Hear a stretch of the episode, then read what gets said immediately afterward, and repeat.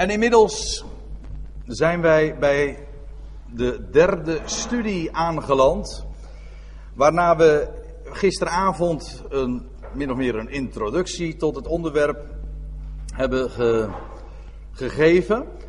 En ons daarmee hebben bezig gehouden. Hoezo de wapenrusting Gods.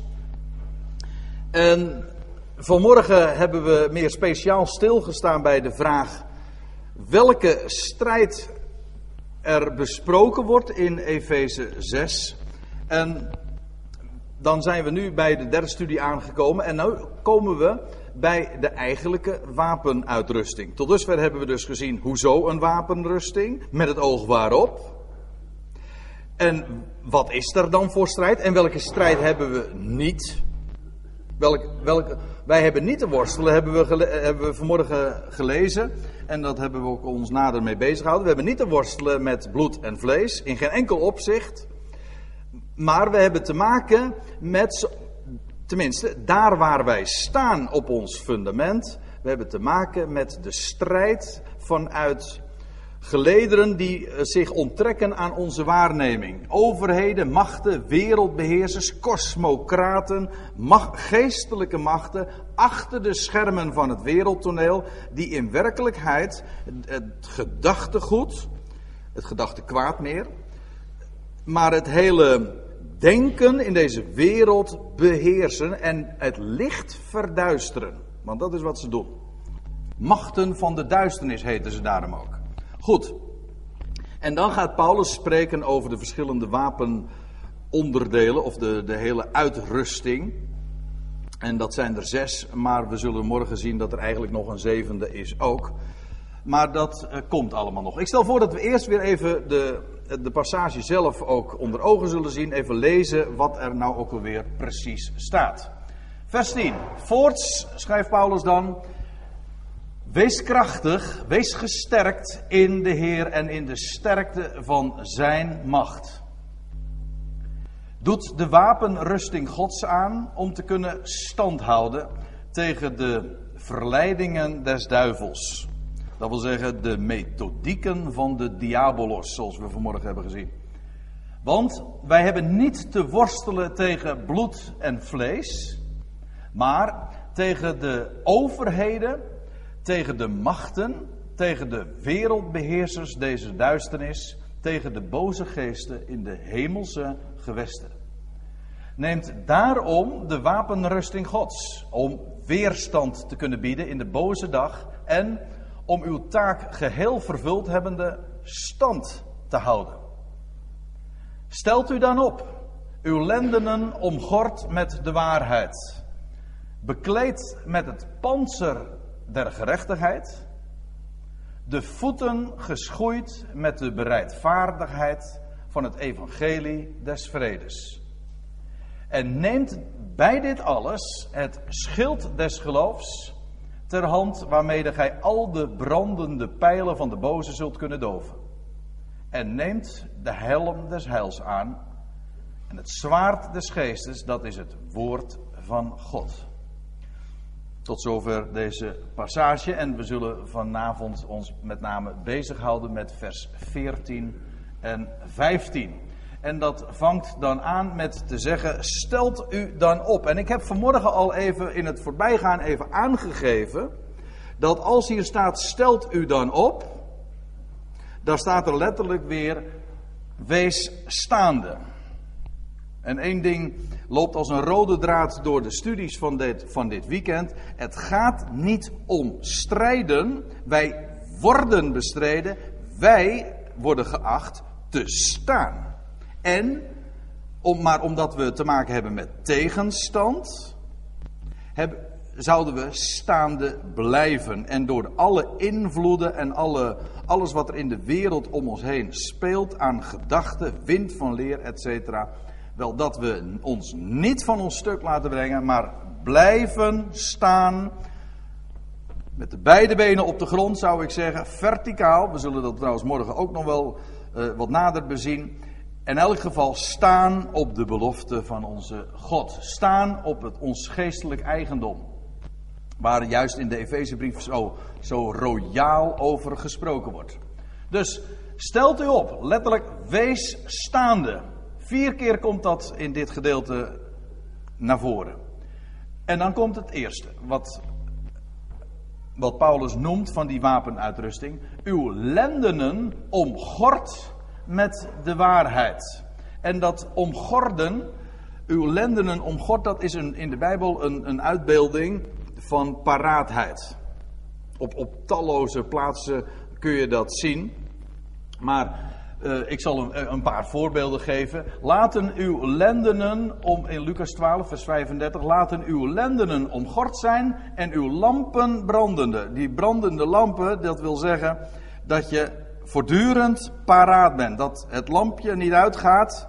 Dat is daar ook nog een speciaal verband. Maar het gaat erom, het hier uh, wordt gesproken over dat we gereed zouden zijn paraat. Hè? Dat je de gordel om hebt, dat je de riem om hebt, zodat je uh, aan de slag kunt. Trouwens, ik moet erbij zeggen, een riem uh, vervult verschillende functies. Voor een, uh, voor een strijder vervult een riem een andere functie dan in het gewone dagelijkse leven. Zeker in de dagen dat de Bijbel geschreven werd, waarbij men een kleed droeg een lang kleed. En als je dan werkelijk aan de slag wilde of je wilde gaan lopen, wel dan moest je je, je kleed wat op, eh, optrekken naar boven. En dan had je een gordel nodig, zodat je kleed niet afzakte. Maar goed, om die reden dragen wij ook nog steeds een riem.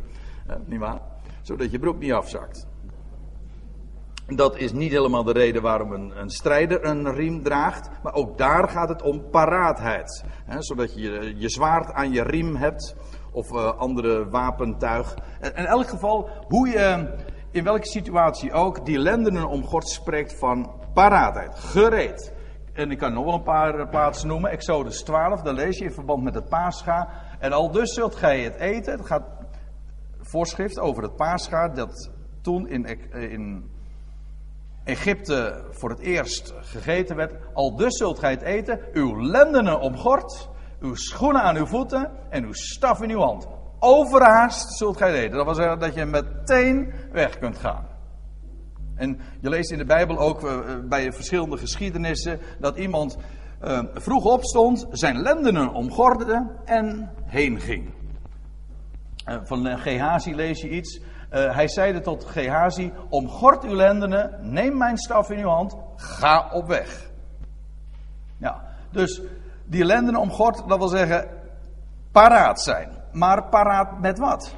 En het eerste wat genoemd wordt, maar dat hoeft eigenlijk niet meer te verbazen als we de lijn tot dusver goed gevolgd hebben. Het eerste wat genoemd wordt, is de waarheid. Want wat was zo karakteristiek van die overheden en de machten en de methodieken van de diabolos? Wel, dat is list list, bedrog. En hoe werden die machten trouwens ook eerder in ditzelfde gedeelte omschreven? Als machten van de duisternis. En duisternis spreekt van leugen. Dat wat verduisterd wordt. De waarheid wordt verduisterd. Wel, in dit verband, te midden van die tegenstand, te midden van de methodieken, de listen, de trucendoos van de doorheenwerper hebben we, is het in de eerste plaats van belang dat je de waarheid kent. De waarheid paraat hebt. Letterlijk staat er trouwens, uw lendenen omgord in waarheid. Waarachtig dus. De eerste keer trouwens dat dat woord gebezigd wordt in dezezelfde brief, want je moet eigenlijk voordat je naar andere passages gaat om, om dit toegelicht te vinden, zou je eerst toch in, in, in het verband van deze hele brief zo'n uitdrukking moeten belichten. En dan blijkt dat Paulus het al eerder had genoemd in vers 13 van hoofdstuk 1. Nou, dus sprak hij over het woord der waarheid. dat deze Efeziërs ooit gelovig werden. En dan staat er, het, toen gij het woord der waarheid. En wat is dat woord van de waarheid? Dat is het evangelie, de blijde boodschap, het goede bericht van uw behoudenis gehoord hebt. En toen ze dat hoorden en geloofden, werden ze verzegeld met de geest der belofte. Dat is allemaal Efeze 1 in diezelfde context. Het woord van de waarheid. Waarheid is maar niet een opinie, een juiste gedachte. Waarheid is dat wat onomstotelijk vaststaat. Is niet een oordeel, niet een mening. Het is dat wat de feiten zeggen. Dat is de waarheid. Dat je de waarheid zou kennen. Dat je het woord van de waarheid, dat wil zeggen het evangelie van uw behoudenis, dat is dat woord van waarheid. Uh, later trouwens, in Efeze 4, daar schrijft Paulus opnieuw aan de over de waarheid en van het enorme belang daarvan, want dan spreekt hij over de groei die we als gelovigen meemaken. Ja, dat is normaal. Je, je gelooft, maar je groeit in het kennen van Hem. Je leert Hem steeds beter kennen. Je leert de schriften kennen. Je leert Hem steeds beter kennen door de ervaringen van het leven. Maar ook door juist zijn, zijn woord, de schriften te openen. En dan staat er in vers 15: Dan groeien wij ons aan de waarheid houdende. Trouwens, ik moet er eens aan denken. Als je in, direct in het voorafgaande werd er nog gesproken over de methodieken van de dwaling. En over die wind van leer heen en weer geslingerd worden. Nee, als we gefundeerd zijn, daar gaat het over. Als dan, als we gefundeerd zijn, dan groeien wij ons aan de waarheid houdende. Dat wat zwart op wit geschreven staat, zoals God zich bekend heeft gemaakt, dat biedt soelaas. Te midden van allerlei gedachten en meningen en opinies. Wat geeft, ligt ons dan voor, letterlijk hè, wat ligt ons dan voor? Wel, dat is zijn woord, de waarheid. Dat houdt stand. Waarheid verandert namelijk niet. Gisteren waar is het vandaag ook waar. Nou, ons aan de waarheid houdende in liefde in elk opzicht naar Hem toe die het hoofd is, Christus. Want waarheid en liefde, dat vind ik wel heel mooi, die spreken elkaar niet tegen, in tegendeel. In tegendeel. De waarheid maakt vrij, lezen we in, de, in Johannes Evangelie, maar de waarheid verenigt ook. Zoals leugen trouwens verdeelt. Dat is, het is misschien wat filosofisch als ik daar eventjes op inga, maar het is helemaal niet zo moeilijk om je dat te realiseren. We hadden het er vanmorgen al eventjes over. Kijk, van waarheid is er maar één. Van leugens zijn er vele. Maar omdat er één waarheid is en we houden ons aan de waarheid vast, dan maakt dat ook één. Dan vinden we elkaar. In, Johannes zegt het zo in zijn brief, de eerste brief. Indien wij in het licht wandelen, dat is de waarheid, dan hebben wij, zo hebben wij gemeenschap met elkander. Maar daar waar mensen in de duisternis wandelen, de, de leugen verdeelt, omdat er namelijk zoveel van zijn. En mensen zeggen van ja, je moet, je moet uh, uitkijken met de waarheid, want ja, dat brengt maar verdeel. Nou, waarheid brengt ook wel verdeeldheid hoor. De eh, zoals we dat trouwens ook nog wel zullen zien, het woord scheidt van één. Maar dat, dat scheidt van één wat niet bij elkaar hoort. Maar daar waar wij de waarheid, ons aan de waarheid houden, dan zullen we elkaar vinden. Gewoon, de schrift ligt ons voor. Zo simpel uh, stelt de Bijbel ons dat voor. Ik, ik kreeg juist van de week nog van iemand een, een mail. En die zei van, ja, er wordt heel veel gesproken. En juist vandaag hadden we in de loop van de, van, van de gesprekken ook nog eventjes daarover. Er wordt, uh, er wordt heel, heel hoog opgegeven, wel dikwijls over, kennis. Maar er is iets wat de kennis te boven gaat. En dat is de liefde. Namelijk de liefde Gods. Dat staat in Efeze 3. En ik kreeg van de, van de week een, mail die zei van ja, eh, onder gelovigen is dikwijls zo ontzettend veel liefdeloosheid. en zoveel veroordeling, zoveel verdeeldheid. Ja, en hoe komt dat? Elkaar niet de ruimte geven.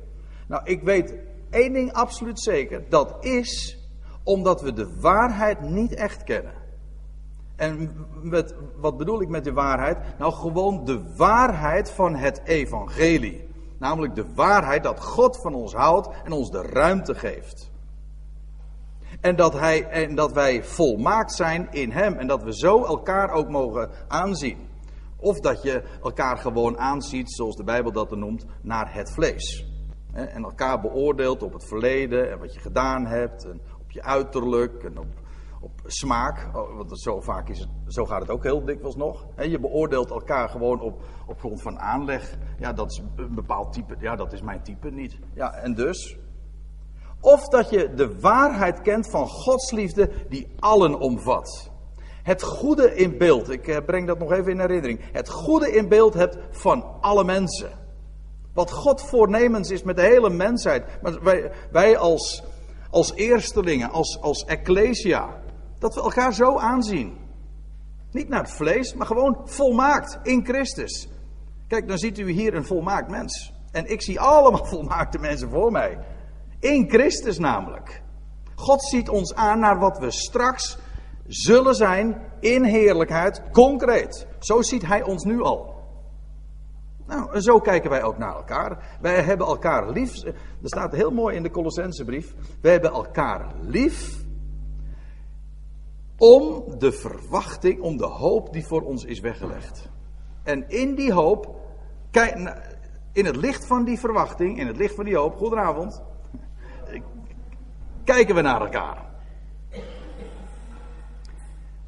En dat zijn volmaakte mensen en juist, en dat maakt één. En zo, dan groeien wij ons aan de waarheid houdende in liefde in elk opzicht naar Hem toe. Hem te leren kennen en de liefde van God in Christus. Ja. De waarheid houdende in liefde groeien we naar Hem toe, maar omdat we naar Hem toe groeien allemaal, komen we dus, vinden we elkaar ook. We zoeken Hem en we vinden elkaar ook nog eens. Zo als toegift, om zo te zeggen. Goed. Uh, Efeze 4 spreekt ook over die waarheid. Leg daarom de leugen af. Spreekt waarheid. Ieder met zijn naaste. Omdat we leden zijn van elkander. Het is trouwens wel frappant dat hier de naaste, dat zijn onze medebroeders en zusters. De leden van het lichaam. Zijn niet de mensen in het algemeen. Dat, dat wordt wel vaak zo gezegd. Onze naaste, dat zijn alle mensen. Nee, de naaste, dat is overtreffende trap enkelvoud. Dat wil zeggen, van alle mensen om ons heen zijn er sommige mensen die je nastaan. Naaste, hè? die je nastaan. Die dichtbij zijn. En van die mensen die dichtbij zijn, is daar ook nog een overtreffende trap. De naaste. Degene die het allerdichtst bij je staat. Ja, ik, ik weet nog. Ik, ik, daar zou dat is een heel verhaal hoor. Maar er is een heel mooi verhaal over in de Bijbel. Over wie onze naaste is. En uiteindelijk is het Christus zelf. Degene die ons barmhartigheid heeft bewezen. Maar goed, dat is nog een ander verhaal. Het gaat er hier even om. Over, het zijn degenen die in Christus zijn. Dat zijn degenen die ons het meest nastaan. Ja. En hier wordt gezegd: leg de leugen af als een kleed. Dat je niet past. He, spreekt waarheid spreekt waarheid en ieder met zijn naaste. Want we, we hebben al verschillende keren overwogen, zo terwijl we het hadden over leugen en bedrog eh, aan de ene kant en waarheid en licht aan de andere kant. Er vindt heel eh, veel communicatie plaats, maar er wordt zoveel langs elkaar heen gecommuniceerd. Waarom? Omdat we niet recht toe recht aan zeggen wat het is. De waarheid. We, we verwisselen bijvoorbeeld opinies met feiten meningen met, met dat wat gewoon waar is en waarachtig. Goed, leg de leugen af, spreekt waarheid en ieder met zijn naaste, omdat wij leden zijn van elkaar. Nou, en dat brengt ons meteen al bij dat andere onderdeel. Want er wordt aan de ene kant gesproken om God uw lendenen met de waarheid. Je, je, we zouden de waarheid kennen. En misschien mag ik er nog even één ding aan toevoegen. Ik zou het haast vergeten. Het is zo belangrijk, mensen, om de schriften te kennen. Om de waarheid van God te kennen. Ja, daarom, zijn, daarom komen we ook bij elkaar. Daarom onderzoeken we de schrift. De waarheid kennen, zodat je hem ook paraat hebt. Zodat je het ook kunt toepassen en daarmee kom ik inderdaad ook op dat tweede onderdeel. Want er wordt er gesproken over het bekleed met het panzer. Dat is eigenlijk gewoon het borstharnas. Gewoon wat dit deel van het lichaam, het hart met name en de longen, eh, beschermt. Het panzer, het borstharnas. Het, en dan wordt er gesproken over het panzer of het borstharnas van de gerechtigheid. De lendenen om God in waarheid. En het borstharnas van de gerechtigheid. En wat je hier ziet, is dat waarheid en gerechtigheid in één adem genoemd worden en als het ware met elkaar gekoppeld worden. En dat zeg ik omdat het niet alleen maar hier het geval is, maar dat is maar niet toevallig. Maar je ziet altijd dat die twee hand in hand gaan. Vandaar ook dat plaatje, ja. Ik zal u een paar voorbeelden daarvan geven. Want in Jesaja 59, daar wordt gezegd, daar wordt Israël aangesproken over, over de situatie, over wat daar allemaal aan de hand was. En daar staat er, het recht wordt teruggedrongen en de gerechtigheid blijft verre staan. Want, staat er, de waarheid struikelt op het plein en oprechtheid vindt geen ingang. Ik zou haast zeggen, het lijkt wel een plaatje van de, van de tegenwoordige tijd. Want het is vandaag niet anders. Eh, gerechtigheid is ver te zoeken. Waarom? Want de waarheid struikelt op het plein. Mijn vader bezigde die uitdrukking nog eens. De waarheid struikelt op de straten. Wellicht een weergave in de Statenvertaling, dat weet ik eigenlijk niet zo uit het hoofd. Maar in elk geval, de waarheid struikelt. Die, die vindt geen voortgang. Men spreekt geen waarheid. En oprechtheid vindt geen ingang, want dat is het eigenlijk. Hè? waarachtigheid, dat is oprechtheid. Dat je eerlijk bent, dat je de feiten gewoon vertelt. En dat maakt ook één. Ja, en vandaar ook, hier wordt er gesproken over gerechtigheid. Waarom? Eh, de gerechtigheid staat verre. Waarom? De waarheid struikelt. Hier ook weer die koppeling. Daar waar geen gerechtigheid is, is er ook geen waarheid. En omgekeerd. In Romeinen 1 is een, hele, is een heel frappant voorbeeld ook. Daar, daar spreekt Paulus over, over de, de situatie van de tegenwoordige wereld. En dan zegt hij dat mensen, dat men in het algemeen, de waarheid in ongerechtigheid ten onder houdt. Waarheid heeft namelijk van nature de neiging om aan het licht te komen. De waarheid komt trouwens ook altijd aan het licht. Dat is geen specifiek bijbelse waarheid, die, weten, die, die, die kennen we zelfs nog in spreekwoorden. Hè? Al gaat de leugen nog zo snel, de waarheid achterhaalt haar wel. En dat kan een hele tijd duren, maar de waarheid komt altijd aan het licht. Dat is de kenmerk van de waarheid. Je moet ook moeite doen om de waarheid ten onder te houden. Waarheid aan zich komt zo aan het licht. Alleen mensen uh, is, de, is de waarheid vaak niet welgevallig en dus doen ze moeite om het ten onder te houden. Met liegen en verdraaien en uh, bedrog. Dus die waarheid wordt ten onder. Het is net als met, met een bal die je onder water houdt. Dat kan je doen.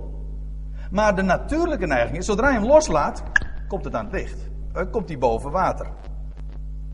Nou, dat is, dat is met de waarheid ook zo. De waarheid komt aan, vanzelf aan het licht. Je moet moeite doen, namelijk, om het ten onder te houden. En trouwens, om, uh, om te liegen is altijd heel erg ingewikkeld, maar dat weet u, hè? Hoe ingewikkeld uh, liegen is. Want je moet namelijk heel veel onthouden. Dat is bekend. Want om een leugen in stand te houden, heb je namelijk weer een andere leugen nodig. En om die in stand heb je ook weer andere leugens nodig. Dus dat, en om, dan moet je wel de, leugen, goede leugens ook vertellen natuurlijk. In de juiste setting. Dat is een hele ingewikkelde boel. Van, dus een leugen is niet, brengt niet alleen verdeeldheid, maar leugen, eh, eh, ja, als ik het even heel plat maar zeggen, het jongt, het waar je bij staat. Het, het vermeerdert zich zo snel. Leugens. Ja, van, de, van leugens zijn er vele. Waarheid is één, maakt ook één. Leugens is veelheid. En wordt ook veel. Goed. Uh, in 1 Korinthe 13, het hoofdstuk over de liefde bij uitstek, daar schrijft Paulus over die liefde. Ze is niet blijde over ongerechtigheid, maar ze is blij met de waarheid. Zie je hoe die twee hier aan elkaar gekoppeld worden? Gerechtigheid en, of in dit geval staat ongerechtigheid tegenover waarheid. Waarbij je haast het idee hebt dat het tegenovergestelde van ongerechtigheid zou je zeggen, dat is, waar, dat is gerechtigheid. Maar hier wordt gezegd, het is waarheid. Het punt is dat die gerechtigheid, het borstharnas van de gerechtigheid, dat betekent het is recht doen aan en spreken van de waarheid. Dus je hebt aan de ene kant je lendenen omgord met de waarheid. Je kent de waarheid, je hebt hem paraat, je weet hoe het zit. Dat is, dat is het ene ding. Maar aan de andere kant gaat het er ook om dat je die waarheid, dat je er recht aan doet. En in de praktijk betekent dat vooral ook dat je de waarheid spreekt. Recht doen aan de waarheid. En dat borstharnas van de gerechtigheid heeft dus alles te maken met die, die lendenen omgord met de waarheid. Uh, zeg ik het nou goed? Dat borstharnas van de gerechtigheid heeft alles te maken met die lendenen omgord met de waarheid. Die twee, die koppeling, die ligt, uh, die ligt voor het oprapen overal in de Bijbel. Het is recht doen aan de waarheid. Zo belangrijk als het is om de waarheid te kennen, zo belangrijk is het ook om die waarheid te spreken en recht te doen. Want het is, in die zin is waarheid nooit vrijblijvend. Het verplicht je namelijk om het ook daadwerkelijk toe te passen. Als je, als je weet hoe het zit, ja, dan word je ook geacht het te vertellen. Weet je wat het alternatief is? Dat je hypocriet bent. Want je weet wat de waarheid is, maar omwille. Want er zijn, laten we wel wezen, er zijn soms zulke goede redenen om de waarheid niet te vertellen, om, om die geen recht te doen. Het kan je geld kosten bijvoorbeeld. Het kan je reputatie schaden, in eerste instantie misschien. Het, weet je wat het ook nog zo is? is en ik, ik weet dat, ja, ik, ik weet dat ook een beetje uit ervaring. Weet je wat er, wat er gebeurt als je gewoon de waarheid vertelt? Je kan gewoon buiten de gemeenschap geplaatst worden. Je bent niet meer welkom. Het is, want de waarheid is niet altijd plezierig. De waarheid is niet conform de traditie. Het strijdt met wat we altijd gedacht en gezegd hebben en wat, wat er geleerd wordt. Ja, en, en dan moet je eens vertellen van ja, maar sorry beste mensen, in de Bijbel staat dit. En kijk maar, hier staat het ook. En daar staat het ook. Je kan het ook niet helpen. En hoe groot het ook is. Maar mijn ervaring is hoe heerlijk het ook je, eh, eh, het is en hoe uitgelaat je er ook over bent en hoe onmiskenbaar geweldig, het is niet welkom. Hebt u die ervaring niet? Ik weet zeker, ik, kan zo, ik, ik, ik kan zo in het gezelschap kijken, maar ik zie er een aantal gezichten, gewoon de herkenning van ja, zo is het ja. Dat je weet van, ja, dat, dat, dat zegt de schrift. Ja, of zeg je nou om lieve, omwille van de lieve vrede of om, omwille maar niet uh, buiten de groep of buiten de gemeenschap geplaatst te worden, uh, hou ik mijn mond maar. Ja, maar kijk, en daar gaat het nou om dat je je lendenen omgort met de waarheid, maar dat je die waarheid ook recht doet. Dat je die, ik weet, je moet weten wanneer je spreekt. Maar als je spreekt, laat het de waarheid zijn. Ik weet ook absoluut zeker dat die weg gezegend wordt een rechte weg. Dat is een van mijn favoriete versen uit het boek Spreuken. Daar staat: Het pad van de rechtvaardige is als het glanzende morgenlicht. Het straalt steeds helderder tot de volle dag. Spreuken 4, vers 12. Het is als het glanzende morgenlicht dat steeds helderder straalt. Want op, de, op die pad van de waarheid en het recht doen van de waarheid, dan gaat er steeds meer licht stralen. En dat wordt het. En, dan zie je ook weer rechtvaardigheid. Eh, rechtvaardigheid is in de Bijbel in wezen ook gewoon niks anders dan geloof. Je houden aan het woord. God rekent geloof tot gerechtigheid. Nou ja, goed, dat soort gedachten komen allemaal bij je op als je je gedachten even de vrije loop laat en, en in het licht van de schrift dit soort dingen overweegt. Ik wil nog een paar voorbeelden geven. Er staat in Efeze 5, ja, daar wordt dat ook, eh, worden die twee ook aan, het, in, aan elkaar gekoppeld. Waarheid en gerechtigheid. Efeze 5, vers 8, daar staat, daar zegt Paulus, gij waart vroeger duisternis. Heb je het hier weer? Duisternis, die leugen. Maar thans zijt gij licht. Hebben we het licht gezien? We weten nu, we hoeven niet, we hoeven niet meer te dwalen. We weten nu waar we vandaan komen, waar we naartoe gaan. Maar dat licht betekent natuurlijk ook dat wat straalt. Dan zijt gij licht in de Heer. Dat wil zeggen, stralend in de, in de Heer. Wandel daarom als kinderen des lichts. Geef, laat je licht schijnen. Dat wil zeggen, breng de waarheid aan het licht. Maar weet je wat mooi is van die waarheid? De waarheid namelijk van het evangelie. Ik wil er straks nog even iets over zeggen. De waarheid van het evangelie is zo geweldig. Dat doet stralen. Het, dat is trouwens ook uh, Efeze, Efeze 1. Het verlicht de ogen.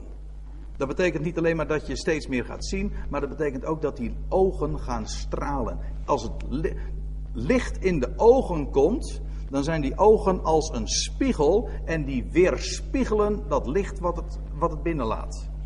Daarom is het zo heerlijk om met elkaar de schriften te openen. Want de schrift, de opening van uw woord verspreidt licht en je gaat ervan stralen. Dat is, dat is het geweldige van het woord van God. Je gaat ervan stralen. Thans zijt gij licht in de Heer. En staat er dan, wandelt als kinderen van het licht. Dat wil zeggen, leef gewoon in het licht. En je moet kijken wat dat voor resultaat heeft. Staat er pal achter namelijk. Wandelt als kinderen des lichts. Gewoon wandel in het licht van zijn woord. En er staat erachter, want de vrucht van het licht, let op, vrucht. Dus gewoon, dat groeit als vanzelf. Uh, en ja, het groeit als vanzelf uit het. Uh, en komt voort uit het licht. Zoals dingen groeien. Vruchten groeien bij de gratie van het licht. Van zonlicht. Er wordt hier niet gesproken over de werken. De Bijbel spreekt over de werken der duisternis. En over de vrucht van het licht. Zoals de Bijbel ook spreekt over de vrucht van de geest. En in hetzelfde verband over de werken van het vlees. Het ene is heel vermoeiend en het andere gaat als vanzelf. Dat groeit namelijk daar waar God zijn werk doet. Daar waar we luisteren naar zijn woord. Waar we verblijd worden in wat hij te vertellen heeft. Dat doet ons stralen. Ja, dat is licht, nietwaar? En het als resultaat, als vrucht van het licht, dat bestaat uit louter goedheid. Die we elkaar kunnen bewijzen. En er staat erbij gerechtigheid en waarheid. En hier heb je dat woordpaar opnieuw. Waarheid en gerechtigheid. We leren in dat licht de waarheid kennen. En we leren in dat licht ook de waarheid te vertellen en recht te doen. En dat is zo goed. Ja, louter goed. Nou, en dan komen we bij het derde onderdeel tenslotte, wat we tenminste vanavond willen bespreken. Ik had eh, drie onderdelen eigenlijk voor vanavond eh, op het eh, programma staan over, dat, over die, dat gordel, over de gordel van de waarheid, dat borstharnas van de gerechtigheid en dan als derde de voeten geschoeid met de bereidvaardigheid van het evangelie van de vrede. En weet u, die uitdrukking is opnieuw ontleend aan Jezaja. Ik heb er gisteren al even op gewezen, maar nu moet ik het toch wat, wat nauwkeuriger lezen en erop wijzen. In Jezaja 52, daar gaat het, als je het in verband beziet, over de Messias. En dan staat er in Jezaja 52, vers 7, een prachtig vers, hoe lieflijk zijn de, hoe liefelijk zijn op de bergen de voeten van de vreugdebode die vrede aankondigt, die goede boodschap brengt, die heil verkondigt, die tot Sion spreekt, uw God is koning. Het gaat hier over de tijd dat God zijn koninkrijk gaat vestigen in deze wereld. Die aan Sion de blijde mare vertelt van, en nu is de tijd gekomen. En het zal verkondigd worden als een, als een geweldige uh, ja, vreugdeboodschap, een goede boodschap. En het is een vreugdebode die het vertelt. Want het is louter goed bericht voor, voor, de, voor, voor Zion, die dan trouwens in, in zulke benarde omstandigheden gekomen zal zijn. Wel, en juist als de nood het hoogst is, dan is de redder nabij. En hij zal een goede boodschap brengen en vertellen: Uw God is koning.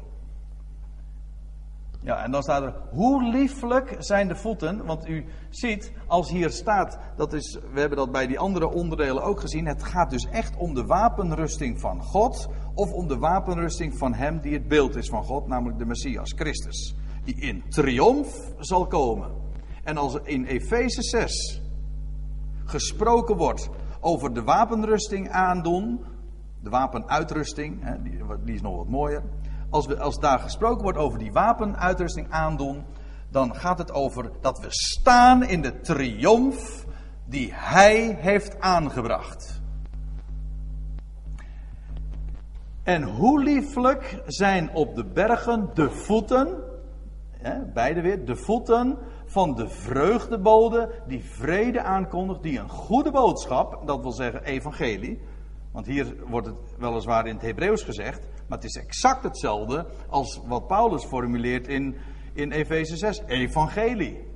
En die heil verkondigt en die tot Sion zal spreken, uw God is koning en daarmee ook de grote aankondiger is van vrede. Na al die oorlogen en al, dat strijd, aan die, al die strijd zal er dat verteld worden. En dat zijn die voeten. Ja, en als er dan staat van de voeten geschoeid met de bereidvaardigheid van het evangelie des vredes, die bereidvaardigheid, dat betekent altijd gereed. En wat ik dan, waar, waar ik ook nog even op wil wijzen, is, er wordt gesproken over dat evangelie van de vrede, maar ook dat is een woord of een term die direct ontleend is aan wat Paulus eerder in dezezelfde brief al had uh, geformuleerd. Er staat in vers 17 van Efeze 2 dat hij bij zijn komst, dat wil zeggen Christus heeft bij zijn komst, letterlijk staat er komende, heeft hij vrede verkondigd. Ja, sorry, ik moet het nu weer even corrigeren. Er staat namelijk, het staat in een aorist en er staat letterlijk, hij evangeliseert vrede. Verkondigt, er staat eigenlijk gewoon evangeliseert. Hij evangeliseert vrede. Aan u die veraf waart en aan vrede aan hen die dichtbij waren. Nou zou je kunnen denken, het gaat hier over de komst van Jezus in het vlees. Maar toen Heer Jezus hier op aarde was, toen heeft hij helemaal niet verkondigd aan hen die veraf waren. Maar het gaat hier ook niet over het verleden, zoals de vertaling suggereert. Nee, het gaat hier over de tegenwoordige tijd waarin hij, waarin Christus komt, dat wil zeggen in zijn boodschappers, in dit geval meer speciaal Paulus, die en aan degenen die dichtbij waren, dat wil zeggen het Joodse volk, en aan degenen die veraf waren, kortom aan iedereen heeft verkondigd hij nu vrede. En dus dan zie je dat als Paulus dat hier in Efeze 2 vers 17 zegt, dan heeft over dat evangelie van vrede, nogmaals, het komt niet uit de verf omdat het niet vertaald wordt met evangeliseren, maar met verkondigen. Maar het is exact dezelfde terminologie. Hij evangeliseert vrede. Wat blijkt, het gaat daar ook over Christus. Net als in Jesaja 59. En Christus komt vandaag. Dat wil zeggen, in zijn boodschappers vertelt hij vandaag de boodschap van vrede werkelijk een blijde boodschap. En werkelijk een boodschap van vrede. En aan al zijn vijanden. Ongeacht of ze nou dichtbij waren aan hen die ooit zo bevoorrecht waren, het Joodse volk. Of aan degenen die veraf waren. Of veraf zijn. Kortom, aan heel het mensdom, aan al die miljarden mensen, heeft God vandaag één boodschap. En dat het niet een boodschap van hel en verdoemenis. Of uh, bekeer of uh, ik schiet. Nee, het is louter een blijde boodschap. Ik had er laatst nog met iemand over en hij zei van nou, dat, dat, dat, dat vond hij... Uh, dat vond hij te. Dat was niet zo, want de Bijbel predikt, wij zouden ook oordeel prediken. En ik, oh, dat gesprek ging nog wel even verder, maar om dat nog eventjes naar aanleiding van dit ook te zeggen. Uh, we zijn als die, wij zouden de, de voeten geschoeid hebben met de bereidvaardigheid van het evangelie van vrede. Net als die vreugdebode die over de bergen komt. En die, die haast heeft. Die, die niet kan wachten om te vertellen aan dat volk dat zo, dat zo armzalig aan het strijden is. En dat helemaal uh, dat bezorgd is en niet, geen uitweg meer ziet. Die vreugdebode die wil zo snel mogelijk die machtige tijding vertellen. Wat is er heerlijker dan om werkelijk een goede boodschap te vertellen? Ongeacht, nou let op, ongeacht wat de reactie is van de luisteraar. Want dat maakt namelijk niet uit. We hebben namelijk een goede boodschap voor iedereen. Ook als je het niet wil horen. Ook al zeg je van dit, dit, dit is een vloek of hier moet ik niets van hebben. Dan nog blijft het een goede boodschap. Ook voor die bewuste persoon. Een werkelijk blijde tijding. Want je vertelt, God is je redder. God houdt van jou. Een boodschap van vrede. En jij mag vijandig zijn, maar God gaat vrede maken. En hij maakt, ja, dat is trouwens in wezen het evangelie van verzoening. En daar wil ik dan vervolgens nog op wijzen. Die boodschap, dat evangelie van vrede, dat is in wezen niks anders dan de boodschap dat God al zijn vijanden met zich verzoent, ongeacht waar, in de hemel, op de aarde, hij verzoent al zijn vijanden met zich. En dat betekent dat hij dus de vijandschap teniet doet, oftewel vrede maakt. Daar waar vijandschap is, daar maakt hij vrede. En er is wat vijandschap in de wereld. Ook vijandigheid naar God toe, bedoel ik. Juist die vijandschap. Vervreemding. Hoeveel wordt God niet kwalijk genomen? Ik weet wel, vanuit ook, dat is weer zoiets. Vanuit de christelijke traditie hebben we vooral te horen gekregen. De boodschap van verzoening is dat God torent over de zonde. En God moest, en God moest genoegdoening ontvangen. En dat is dan de, de verzoening door voldoening, heet het dan. En daarbij wordt het voorgesteld dat een toornende God voldoening moest ontvangen. En daar is God feitelijk degene die verzoend moet worden. Zo wordt het dan ook geformuleerd. God moest verzoend worden met zijn schepping, maar zo is het niet. God is nooit een vijand geweest van deze schepping. God houdt van deze wereld. Het is nooit anders geweest. De mensheid is vijandig en vervreemd. Maar wat God belooft, en dat is het evangelie, God belooft vrede. Hij gaat ook elke vijand vijandschap te niet doen. Hij doet de vijandschap smelten, zodat er geen vijandschap meer is. Hij overwint dus alle tegenstand, maar ook alle harten. Kijk, wat. Ik, ik, ik, gaf zojuist al aan, er is zoveel vervreemding en vijandschap tegenover God. En vraag het maar na. Breng het maar ter sprake. Eh, breng maar ter sprake de boodschap dat er een God is. Gewoon, ik bedoel, ik heb het nu niet over binnen de religie, want daar bestaan zoveel dwaal, dwaalideeën over, maar gewoon daarbuiten. Begin over God te spreken. En iedereen weet wel van ja, er moet een God zijn. En toch, het is niet te verteren. Voor zoveel. Want als er een God is, nou u, u voelt hem al aankomen, hè? als er dan een God is, en je hoeft de krant maar op te slaan en, en het, het, de vraag die springt er zo uit. Als er dan een God is, en dat kan toch eigenlijk niet ontkend worden, maar waarom dan? Nou, noem maar op. Hm? Waarom dan al dat leed? Waarom al die oorlogen? Waarom al die natuurrampen? Kan hij daar niet ingrijpen? Hoe kan hij zich dat permitteren? Ik bedoel, dat wordt God allemaal kwalijk genomen. En God gaat vrede maken. En wat, En wat bedoelt de Bijbel daarmee? God gaat bewijzen dat Hij liefde is. Dat alles wat er in deze wereld gebeurt uiteindelijk de beste weg is naar de volmaakte wereld die Hij voor deze hele schepping heeft weggelegd. En het ultieme bewijs van zijn liefde, dat is het kruis van Golgotha. En dat zie je hier in Colossense 1. Daar staat in, uh, in vers 20, door hem, daar gaat het over de Heer Jezus Christus, door hem vrede makend door het bloed zijns kruises, staat hier in een tijdloze werkwoord voor. God, het gaat er niet om dat hij vrede gemaakt heeft, hij maakt vrede. God maakt vrede door het bloed van zijn kruis. En dan staat er, en zo alle dingen, letterlijk het al, tapanta, kortom alles wat er is, alles, alles wat er aan vijandschap is, met zich te verzoenen. Door hem.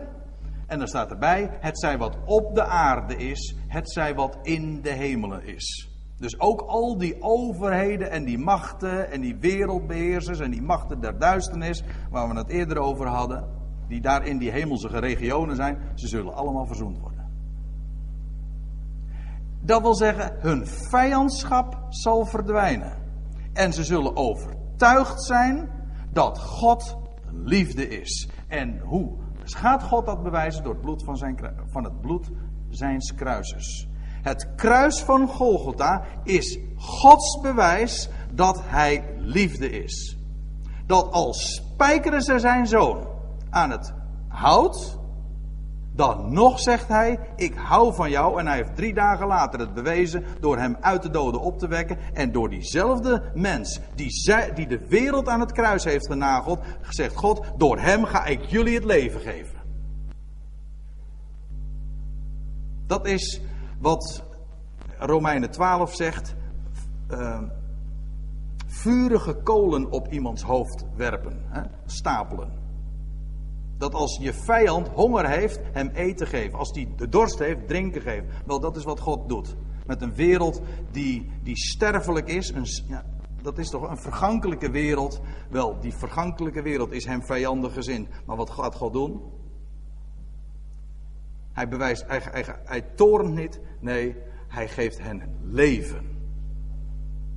En zelfs de meest gruwelijke daad van vijandschap, namelijk het kruis van Golgotha, dat is voor God geen aanleiding om op te treden en om, om het oordeel uit te voeren. Integendeel, het is voor hem alleen maar de aanleiding om juist via die weg aan de wereld het onvergankelijke leven te geven. En zo maakt God vrede. Dat wil zeggen, hij zal alle harten winnen, zodat er een moment komt dat elke knie vrijwillig gaat buigen voor hem en dat elke tong, niet de lippen hoor, nee de tong. Van binnenuit betekent dat. geen lippendienst. Van binnenuit zal men zeggen: Hij is inderdaad Heer. Tot eer van God de Vader. Kijk, dat is dat evangelie van vrede.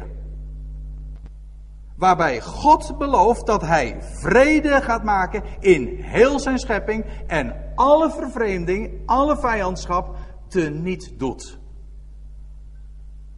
En dat is die goede boodschap. En we kunnen tegen iedereen zeggen: God houdt van jou en hij gaat alles wel maken. En hij geeft jou het leven. En je kan, je kan wijzen op hem die God uit de doden heeft opgewekt. Dat is een boodschap, en nou ga ik eventjes terug. Hè, dat, is die, dat is die vreugdebode. We hebben een louter goede boodschap. We wijzen op een God die werkelijk God is en een vader is van heel zijn schepping. En dat, hebben we, en dat mogen we vertellen. En als je, hoe meer je je realiseert hoe goed dat bericht is, hoe bereidvaardiger je bent om dat te vertellen. Sterker, als je je daarvan bewust wordt, is het moeilijk om dat binnen te houden. Zoals ooit een, uh, wie was het die dat zei, het is als een evangeliseren, dat is als een hoestbui. Je, het, je kunt het niet binnenhouden. Als je daar werkelijk vol van bent, dan, is het, dan, dan vertel je die dingen. Kijk, en de voeten geschoeid met de bereidvaardigheid van het evangelie van vrede, dat heeft alles te maken met die boodschap van vrede die God gaat aanbrengen in deze hele schepping. En dan te bedenken, dat, dat zeg ik dan tenslotte, en dan te bedenken dat uitgerekend dat evangelie van vrede aan degenen die ver af zijn, aan degenen die dichtbij waren, of degenen die in de hemelingen zijn, op, op de aarde, dat evangelie van vrede, laat dat nu uitgerekend de boodschap zijn die zo zeer verguisd wordt. Waarvan men zegt dat is de grootste leugen en een dwaalleering en de grootste ketterij. Ja. Terwijl dat nu juist het evangelie is van vrede. Niet, God is jouw redder als jij helemaal niet. Hij is jouw redder. Dat mag je geloven. Dat is geen voorwaarde. Altijd weer die voorwaarden die aan, die, die aan mensen voorgehouden worden. Ze moeten voldoen aan, aan. Zij moeten een stap zetten. Zij moeten een keuze maken. Daar gaat toch altijd evangelisatie over. Maar sorry dat ik het zeg, het is, het is geen evangelie. Het is, eh, het is namelijk niet de boodschap van een louter goede tijding van vrede die God gewoon geeft om niet aan wie dan ook. En dat is het evangelie van de vrede. Als je dat realiseert, dan, ben je, dan zijn je voeten ook geschoeid met de bereidvaardigheid ervan. De grote ellende is bij evangelisatie, men kent het evangelie van vrede niet. Als je het namelijk werkelijk zou kennen, dan zouden je voeten geschoeid daar zijn ook. Kijk, en dat, die, dat, dat evangelie van vrede, dat maakt je tot een vreugdebode. En we hadden het over, het, over de lendenen die omgord zijn met, met de waarheid. Dat je weet wat Gods woord zegt. Ook aangaande dat evangelie. Dat je dat recht doet, dat je het vertelt. Ja, en tegelijkertijd dat je voeten geschoeid zijn. Dat waar je ook gaat. Dat je niet anders wil en kan vertellen van die geweldige God die alles tot een goed einde gaat brengen en die werkelijk God is en liefde is. Ik stel voor dat we daar met elkaar nog een lied over gaan zingen.